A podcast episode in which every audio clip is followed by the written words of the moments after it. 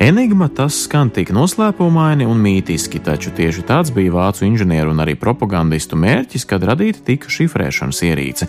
Enigma bija rakstām mašīnai līdzīgs aparāts, kam svarīgākās daļas bija tastatūra, indikātoru panelis un rotori. Iestādot noteiktu burtu kombināciju ar Enigmas trim rotoriem, šifrēšanas operators varēja drukāt tekstu, kas uz indikātoru paneļa uzrādīja pilnīgi citus burtus.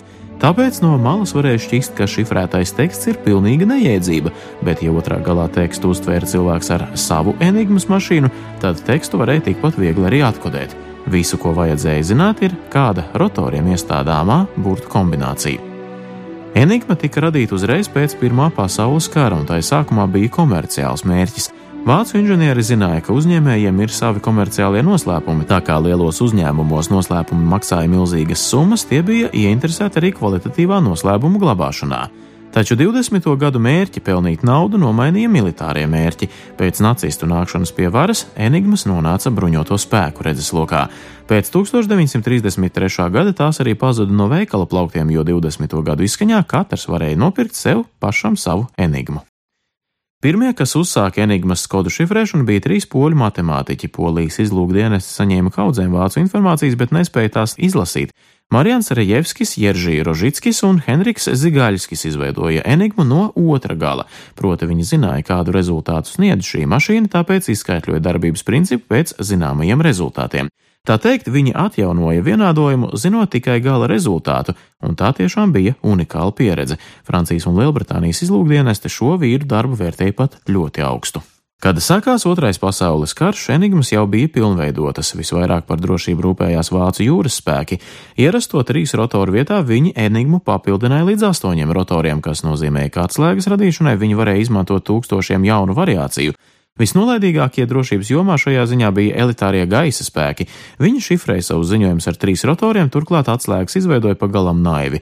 Kopumā atslēga sastāvēja no sešiem burtiem. Pirmos trīs nodeva nekodētus, bet nākamos trīs vācieši jau zināja, kā atkodēt. Taču britu izlūkiem nebija grūtību nojaust, ja pirmie trīs burti, piemēram, bija H, I un T. Ļoti iespējams, ka pēdējie trīs būs L, E un R, veidojot vārdu Hitler.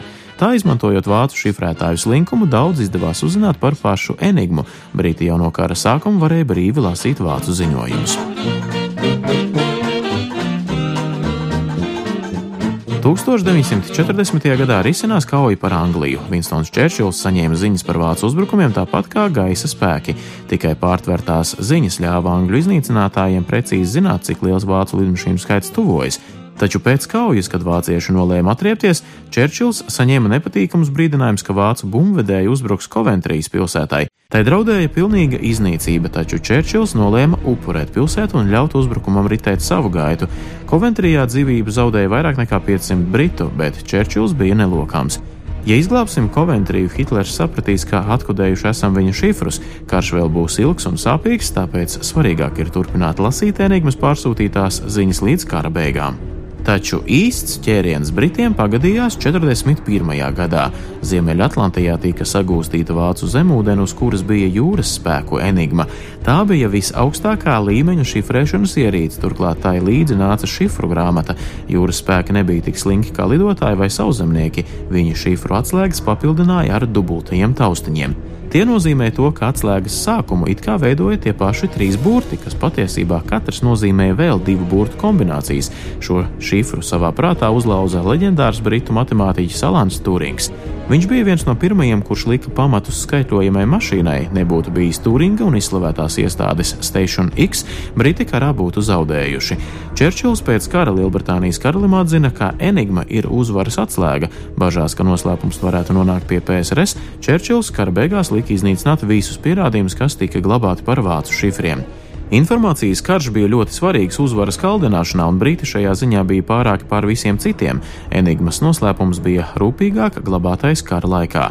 Ja ar atsevišķām pielaidēm esoša persona kādreiz saņēma konfidenciālu informāciju ar zīmotni Ultra, skaidrs bija, ka šīs informācijas avotu nekad neviens neatklās. Pēc kara tikai kļuva zināms, apzīmējums Ultra nozīmē, ka informācija ir iegūta šifrējot enigmu. Jānis Krops, Latvijas radio.